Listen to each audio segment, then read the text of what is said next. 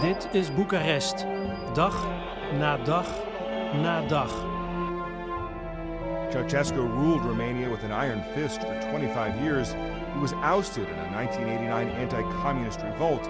En vanavond staan ze er weer. Woedend vanwege de plannen van de regering.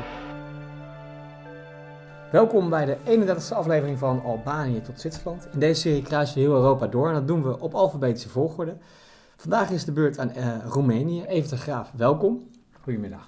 Ja, bij Roemenië hoort ook de naam van, uh, van Dracula, hè? althans wel de historische figuur dan. Absoluut. Ik ben er in uh, begin jaren 70 ook nog eens een keertje geweest. Ook was het echt nog helemaal niet toeristisch. Was heel leuk. Graaf Vlad Dracula, hij leefde van 1431 tot 1476. En Dracul betekent eigenlijk draak, duivel. Eh, zou je kunnen zeggen. Maar hij was een heel uh, beroemd uh, Roemeen, Roemeens krijgsheer. En hij had een hele kwalijke bijnaam. Hij heette ook wel eens de Spitser. Hij heeft ook tegenstanders levend op een paal gespitst. Dus het was echt een, een strabante kerel. En hij had zijn thuishaven in Wallachije, Transylvanië. En hij bestreed met name ook de Ottomanen, de Turken. Maar hij stond bekend als een vreedvorst. Uh, hij is nog uh, veel bekender geworden door een heel bekend boek wat er ooit over geschreven is in 1897. Een, een boek van een Amerikaan met de Nederlandse naam Bram Stoker. Dat heet Dracula. En daar wordt, wordt hij meer eigenlijk voorgesteld als een vampier. Uh, maar toch, voor de meeste Roemenen geldt hij nog gewoon als een echte volksheld. Omdat hij het op durfde te nemen tegen de, de Turken. Ja, want de Ottomanen waren in die periode wel... Die, die hielden wel huis in, in Zuidoost-Europa. Um, dat zien we eigenlijk over heel, ja, heel wat gebied. Um, en ze zijn ook de baas in Roemenië uiteindelijk, hè? want Dracula kan ze niet helemaal uh, tegenhouden. Nee, absoluut niet. En uh, misschien goed om uh, te vermelden dat Roemenië toen in die tijd ook uit meerdere gebieden bestond die vrij eigenlijk los van elkaar opereerden. Dat was met name Transylvanië, Wallachije en Moldavië. En met name na de val van het Oost-Romeinse Rijk 1453 viel toen in handen van de Turken. Dan zie je dat de Turken dus met een opmars beginnen op de Balkan. En dan is het al een hele grote slag is er geleverd in 1526, de slag bij Mohacs. En die heb je twee keer in de geschiedenis, 1526 en 1687. De eerste keer was het een grote triomf voor de Turken. En dan in 1687 worden ze echt een uh, verpletterende nederlaag toegebracht. En het begint eigenlijk al uh, hun einde ja, zich aan te tonen. Maar nog een keer in 1526, dan weten de Turken onder de leiding van Suleiman de Eerste, weten ze de Hongaren en de Roemenen te verslaan. En uh, dan weten ze grote gebieden te veroveren op de Balkan. En dan botsen ze natuurlijk op de Habsburgers. En Mohatj, die twee slagen, dat voelde eigenlijk een soort van, van parabool. Het opkomst en ook, uh, ook ja, de, de, het opgaan, blinken en verzinken. Precies. Hè? Dat was gezegd. Uh, maar onder dat Ottomaanse gezag had, had Roemenië wel, ja, zoals we nu Roemenië kennen, vrij veel onafhankelijkheid, toch? een zekere vrijheid zou je kunnen zeggen. De Roemenen wisten dat te bereiken op een tweetal wijzen. Uh, eerste plaats ook uh, door het af te kopen. Met geld kun je veel uh, hè, bewerkstelligen. En bovendien erkenden de Roemeense vorsten de soevereiniteit van de Turkse sultan. En daardoor kregen ze van die Turken ook bepaalde vrijheden. Ze mochten hun eigen wetten vaak handhaven. ze mochten sociale instellingen in stand houden. Bijvoorbeeld ook de Russisch-orthodoxe kerken. de kerken werden niet meteen gesloten of gesloopt. politieke organen konden in de lucht blijven. Lokale raden. En dat is de voornaamste reden dat Roemenië, in tegenstelling tot die andere Balkanlanden, eigenlijk, eh, als je daar rondreist, weinig eh, moskeeën te zien geeft. Dat is een opmerkelijk verschil met eh, de andere landen daar op de Balkan. Ja, ze hebben niet zo um, ja, bewust een, een bekeergolf teweeggebracht, wat bijvoorbeeld in Bosnië wel zo is. Klopt, daar ja. veel sterker. Um, maar ondanks dat de, katholieke, de orthodoxe kerk mocht blijven bestaan, ondanks dat ze inderdaad die lokale raden mochten houden, uh, kwam het nationalisme al wel vrij vroeg naar boven hè, in Roemenië. Ja, eigenlijk zie je dat in heel Europa. 1848 geldt als een revolutiejaar. Wel vaker al vermeld ook uh, in onze lezingen. Dan zie je dat het liberalisme komt opzetten. En ook in Roemenië kwam er de wens te leven om een eigen grondwet te kennen. En ook sociale hervorming door te voeren. En daar hadden ze ook een, ja, een bepaalde naam voor, voor die mensen die ernaar streefden. Dat was de groep van de Pasoptisti, de 48ers werden ze genoemd. En die streefden gewoon naar een onafhankelijkheid. Maar ja, dat was natuurlijk heel moeilijk te bewerkstelligen, want dat wilden de Turken niet, dat wilden de Russen niet. En uh, dat zijn altijd autocratische landen geweest en die uh, dulden dat absoluut niet, want dat zou het begin van het einde van en de sultan van de tsaar zijn. En pas na de Krimoorlog van 1853 tot 1856, dan zie je dat zowel de Russen en de Turken verzwakt worden en dat ze dan toch moeten toegeven aan die eisen van uh, de nationalisten. En dan zie je ook dat uh, Roemenië, en nog een keer gesteund ook door westerse landen als Frankrijk en Engeland, toch een onafhankelijkheid weet te verkrijgen. Ja, en er ontstaat uiteindelijk het, het Koninkrijk Roemenië. Um, dan maken we even een sprongetje naar de, naar de Eerste Wereldoorlog. Daarin begon Roemenië neutraal, toch? Ja, de Roemenen, net als de meeste kleine landen, probeerden zich centraal op te stellen in de strijd tegen de geallieerden en de centrale. Maar uh, uh, met name zaten toch wel te gok op het uh, feit dat grote landen als ja, of de Russen of de Oostenrijkers en Hongaren en de Turken gebiedsverlies zouden leiden. En dan zou dat misschien inderdaad, als ze voor een bepaalde partij de, de, de, kant kozen, zou dat nog eens een keertje beloond kunnen worden. En ze hebben toen inderdaad gehoopt dat Oostenrijk en Hongarije verslagen zou worden. En toen hebben ze besloten toch deel te nemen aan de kant van de geallieerden. Uh, toen hebben de Duitsers ook nog een tijdje lang Boekarest bezet. Uh, echt veel vernieling aangericht. Maar uiteindelijk uh, werd toen toch ook het Russische leger nog weer ingezet. Toen nog een laatste ja, opleving geweest van de Russen, die trouwens door de hele Eerste Wereldoorlog eigenlijk verhoudingsgewijs vrij slecht deden. Komen straks bij een ander land wel een keertje op terug met Rusland, denk ik. Maar dan ze zich terug en dan weten ze toch uiteindelijk ook de vrede te bewerkstelligen. En ook weten ze dan dat uh, bij de geallieerde besprekingen ook uh, zij enorm veel gebiedsvergroting uh, krijgen toegewezen van de geallieerden ook. Ja, ze hebben echt gewacht tot, tot ze konden kiezen welke kant het beste op dat moment uitkwam. Hè? En uiteindelijk voor de beste zijde de geallieerden gekozen. Ja, op zich is dat wel, wel een, een, slimme tactiek natuurlijk. Ja. na de oorlog krijgt Roemenië dan ook veel land en bereikt het uiteindelijk zelfs de maximale grootte van hoe we Roemenië kennen. Hè? Ja. Ik heb het al eens een keer vaker verteld. Je had een aantal in de buurt van Parijs uh, voorsteden waar je vredesverdragen, uh, waar die vredesverdragen werden afgesloten. Met Oostenrijk en Hongarije was dat uh, Saint-Germain. In Neuilly was dat met Bulgarije. En Sèvres was dat met Turkije. Dat waren de grote verliezers. En Roemenië kreeg toen in 1919 echt heel veel grondgebied erbij, wat ik net al zei. Transylvanië, Banaat, Bukovina, Bessarabië. En ook qua inwonertal werden ze echt uh, qua gebied en inwonertal verdubbeld. 16 miljoen toen al, dat was voor die tijd echt een uh, enorm uh, ja, groot en vrij sterk land. Ja, precies. Um, dan win je een oorlog, dan krijg je veel land erbij. Dat zou kunnen betekenen dat, dat het welvarend gaat. maar dat is in Roemenië niet het geval, want, want intern is het eigenlijk nooit rustig, toch? Nee, en dan breken de jaren 20 aan. Dat zijn natuurlijk de naweeën van de oorlog. En daar heeft uh, bijna elk land mee te kampen gehad. Dan zie je even een economische opbloei van 24 tot 29. Maar dan ook uh, slaat die geweldig wereldwijde crisis toe, ook in Roemenië. Hè, 24 oktober 1929. Uh, veel te veel overproductie in de landbouw.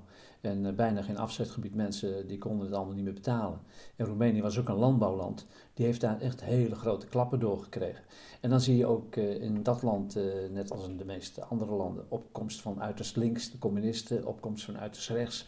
Dat zijn dan met name de fascisten en de nationaal-socialisten. groepen die een geweldig afweer hebben van de parlementaire democratie.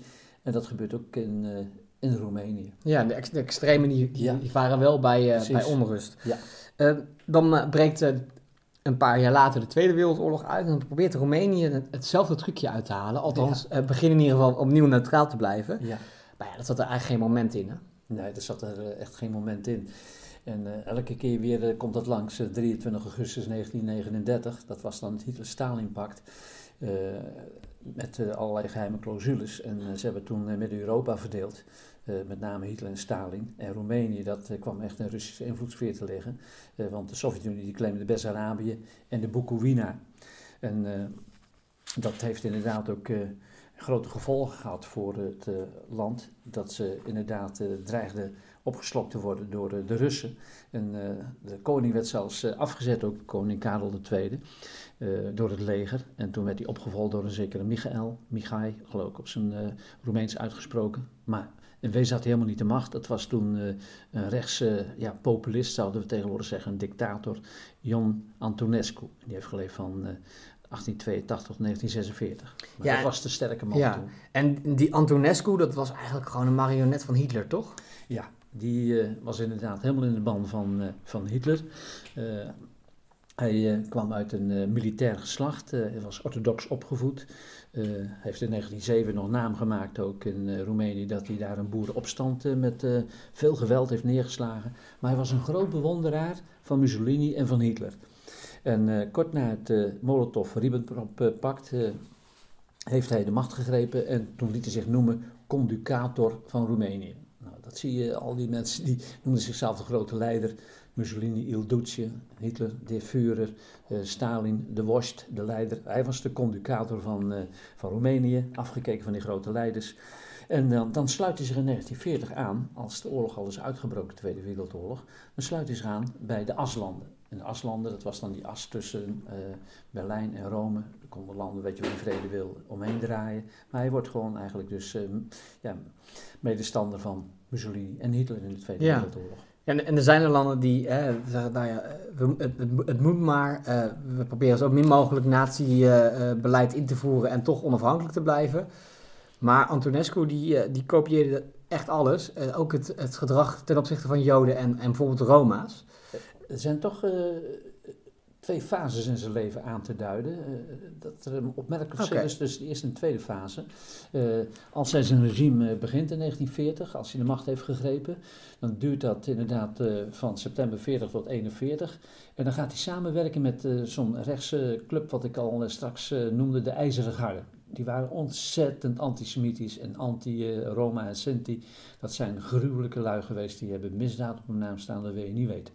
Maken jacht op uh, de Joden en de Roma. En uh, dan uh, ja, vieren ze gewoon de rassenleer van Hitler helemaal. dat het uitgevoerd wordt, dat vinden ze prachtig. Uitroeien van de verderfelijke rassen. Maar dan zien ze dat op een gegeven moment de oorlogssituatie gaat veranderen. Stalingrad, 2 februari 1943. Ze zien dat uh, dus inderdaad Italië en Duitsland gaan verliezen. En wat doet hij dan? Uh, Zo'n beetje in uh, die periode, dan kiest hij eigenlijk al een ander ja, vorm van regeren. Dan gaat hij zich milder opstellen, distancieert zich van de ijzeren garde en begint eigenlijk een gematigd regime op te start. De Joden werden niet zo 1, 2, meer vervolgd. Hij had toen zelfs al het plan, natuurlijk afgekeken van Hitler, dat heeft hij ook ooit al een keertje genoemd, de Joden die zouden naar Madagaskar moeten. Maar hij zei, die Antonescu, stuur ze maar naar Palestina. Daar horen ze eigenlijk thuis. En dat heeft hij toen geprobeerd. Maar toen kreeg hij weer tegenwerking van uh, met name de Engelsen. Want de Engelsen die wilden de hulp en de steun van de Arabieren houden. En die Arabieren zaten niet te wachten op de komst van de Joden. Dus dat liep allemaal niet zo vlot als hij eigenlijk gepland had. Nee. Maar uiteindelijk is hij gearresteerd en is hij uh, uh, echt ook ja, op een gruwelijke wijze aan het einde van zijn leven gebracht, geëxecuteerd. ik meen dat hij zelfs onthoofd is. Onthoofd zelfs. Ja, nou, ja. Dat is ook een, een vrij gruwelijke manier om iemand uh, uit zijn positie, uh, van zijn positie te opnemen. Uh, ja, het is wel opvallend, hè? Dat, zo'n, dat, dat ergens klinkt het natuurlijk dan ook wel als een soort van realpolitiek door, van die, net zoals in de Eerste Wereldoorlog, wel meegaat met de winnende partij. En als het dan slecht gaat, dat hij toch ja, een andere koers kiest. Dat is, dat is ook wel, dan heb je ook wel iets aan, aan, realiteitszin. Ja, dat zijn pragmatici, hè? dat is gewoon uh, realiteitspolitiek. Uh, je, je pas je aan bij de waaiende winden. Uh, degene die de macht heeft, daar probeer je tegenaan te schurken. En dat zie je ook heel sterk bij hem. Ja, ja. Ehm, de Tweede Wereldoorlog die, die loopt af. we weten allemaal dat Duitsland verliest en, en Rusland wint.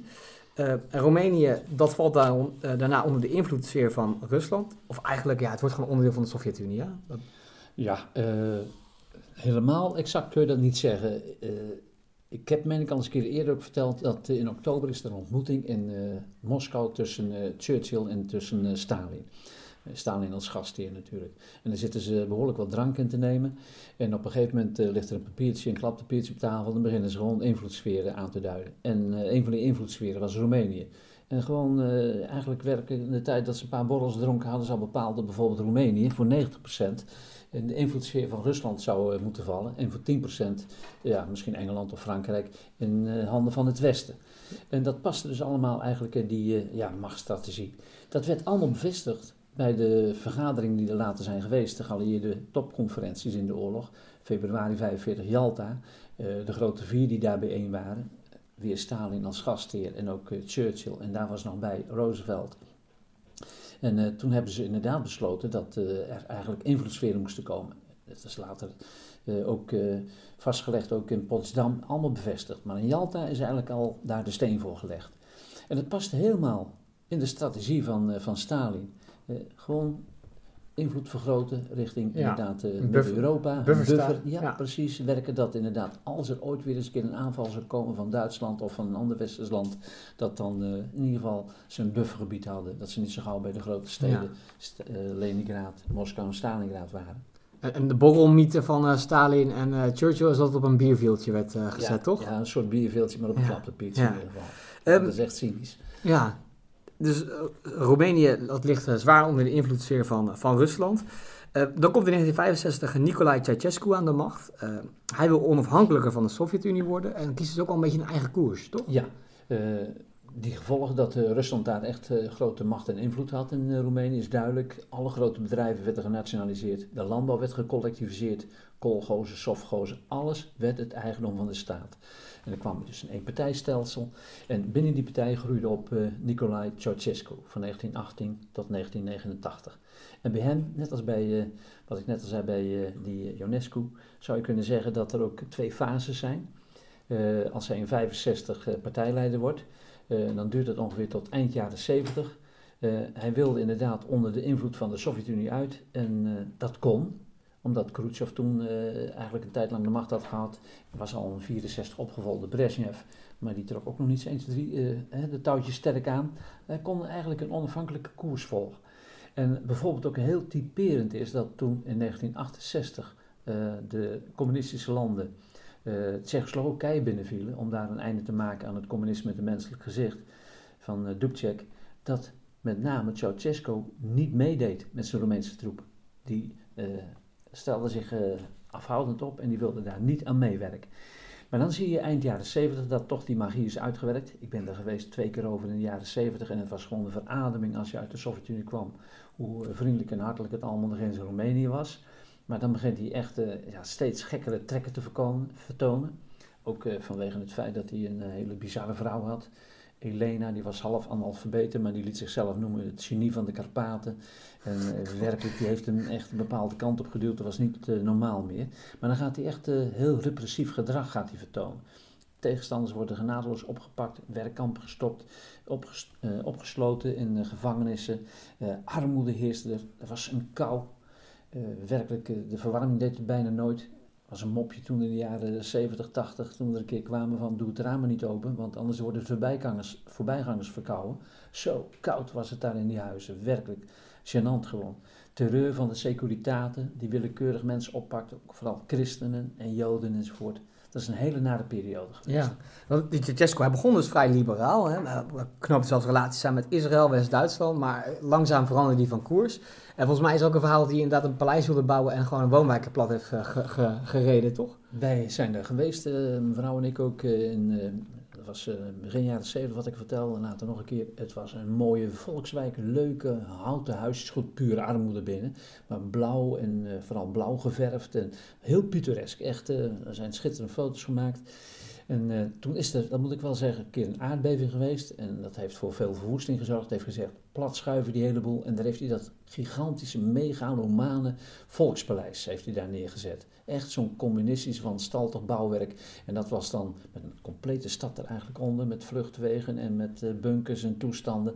Echt een wanstaltig, protselijk groot gebouw. Ja, ja een beetje communistische dictator, die, eh, die moet wel paranoïde zijn, Precies, toch? Dat hoort, er- dat hoort er een beetje bij, hè? Dat hoor ik nu ook weer van eh, Erdogan in Ja. Turkije. Ook een ja, gigantisch groot eh, paleis heeft hij neergezet van meer dan 700 kamers, geloof ik. Ja, en dan komen we misschien wel eh, op een van de meest fascinerende eh, episodes eh, uit de geschiedenis van Roemenië. Het is 1989, alles staat op film. Voor de mensen thuis, als u het nog niet gezien heeft, zoek het op op YouTube.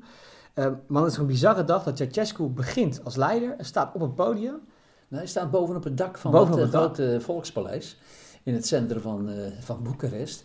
En er moest weer inderdaad, dat was ik meen 21 december 1989. Het begon overal een beetje te rommelen. Hè, in het, eh, Ja, Timisoara begon het een beetje, toch? ja, maar ik, eh, ik bedoelde nog al eerder, bijvoorbeeld in Polen, in Hongarije. Overal begon je al te zien dat mensen eigenlijk van hun communistische leiders af wilden, want dat communisme dat werkte niet.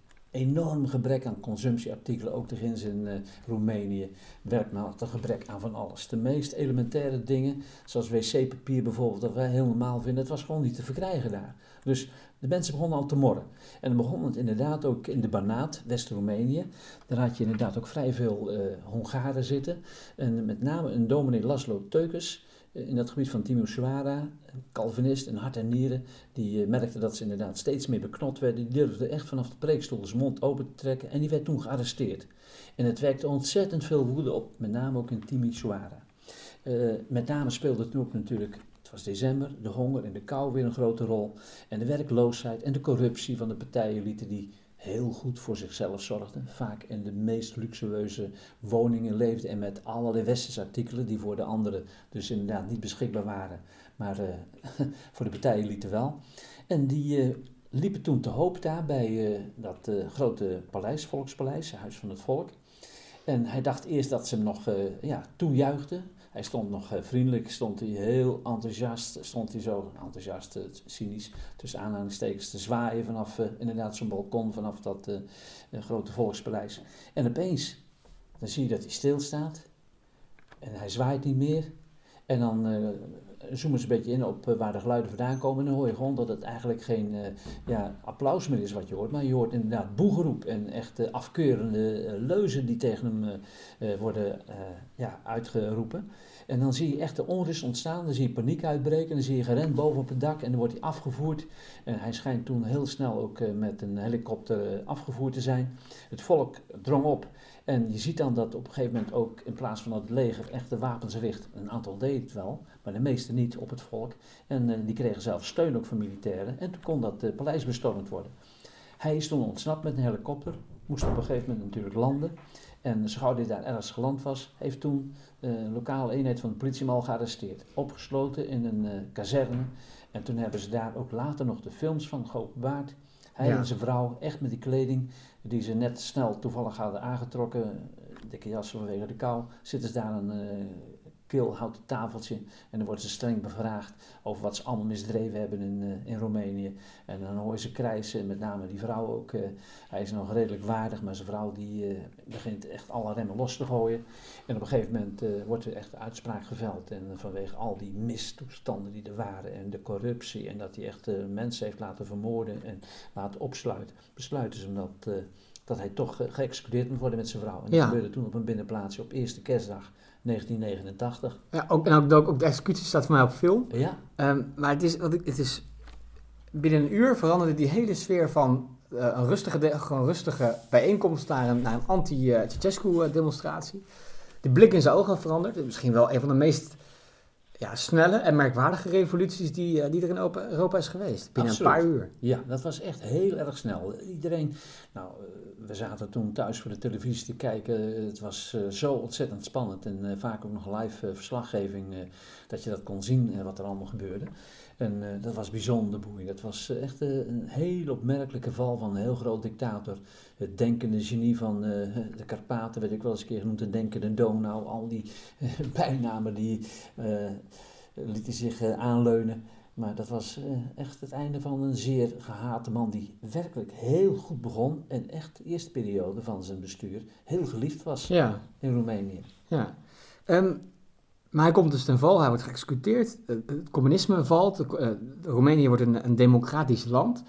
Maar ja, echt rustig wordt het niet. Als ik dan gaat online een, beetje last, dan gaat het van de ene demonstratie naar het andere protest en weer terug. Absoluut, want je zegt dat het uh, heel snel ging, die uh, overgang van de communistische, communistische toestand naar een parlementaire democratie. Maar dat heeft ontzettend veel voet in de aarde gegeven oude mensen die opeens schouwplaats met overliepen. En zeker Iliescu, misschien wel eens een keer van gehoord, een oud-communist, die greep de macht. En uh, uh, ook met behulp van studenten in het begin, maar later zagen ze dat hij eigenlijk alleen maar bezig was met het veiligstellen van zijn eigen positie. Het was echt een en al onlust, een en al inderdaad uh, ja, toestanden rond de vorming van kabinetten. En als er een kabinet was, de een naar de ander viel weer. Veel etnische onlusten tussen Roemenen en Hongarije, tussen Roemeen, Hongaren en tussen Roemenen en de Roma en de Sinti met name ook die daar sterk vertegenwoordigd zijn. Uh, ze kregen natuurlijk geen steun meer van, uh, van Rusland, want dat was uh, ook eigenlijk aan het uiteenvallen, 1990, 1991. Enorme grote werkloosheid. Nog een keer, heel veel narigheid en problemen hebben zich toen afgespeeld in die eerste jaren van de jaren negentig. Ja, en, en, Roemenië is sinds 2004 lid van de EU. Ik ben er onlangs nog een keer geweest. In het oosten van Roemenië, dat, ja, ik liep door de, door de krottenwijken. Uh, volgens mij is het nog steeds een van de armste landen van Europa, van de Europese Unie. Hè? Ik denk het wel. Ja, ja, Met Bulgarije, goed of dat er gewoon helemaal bij wordt, dat weet ik eigenlijk uh, niet eens meer. Maar ja, sinds onze vriend Jonker gezegd heeft dat de EU nu net deze maand steeds meer moet uitbreiden, meer Europese staten erbij moet werven. ik, ik weet dat ze, volgens mij zijn ze in 2007 lid geworden van de Europese Unie. En dat was allemaal afgesproken in 2003 in Thessaloniki. En daar had echt Roemenië jarenlang naartoe gewerkt. Want ze wilden niet meer afhankelijk zijn van Rusland hadden ze veel te lang onder moeten ja, zuchten enzovoort. En ze wilden gewoon ja, deel uitmaken van die rijke Europese gemeenschap. Want ja, dat lonkte en dat trok natuurlijk. Maar het is nog steeds een heel armoedig land. Er moet nog heel veel verbeterd worden. Dat uh, weet ik zeker uit gesprekken met uh, mensen die er vandaan komen. Nou, laten we hopen dat we over vijf of tien jaar deze serie nog een keer maken. Dat het dan een, een, een stuk beter aan toe gaat. En we een nieuwe episode aan de geschiedenis kunnen toevoegen. Bedankt voor deze uitleg over Roemenië. En de volgende aflevering dat gaat over Rusland.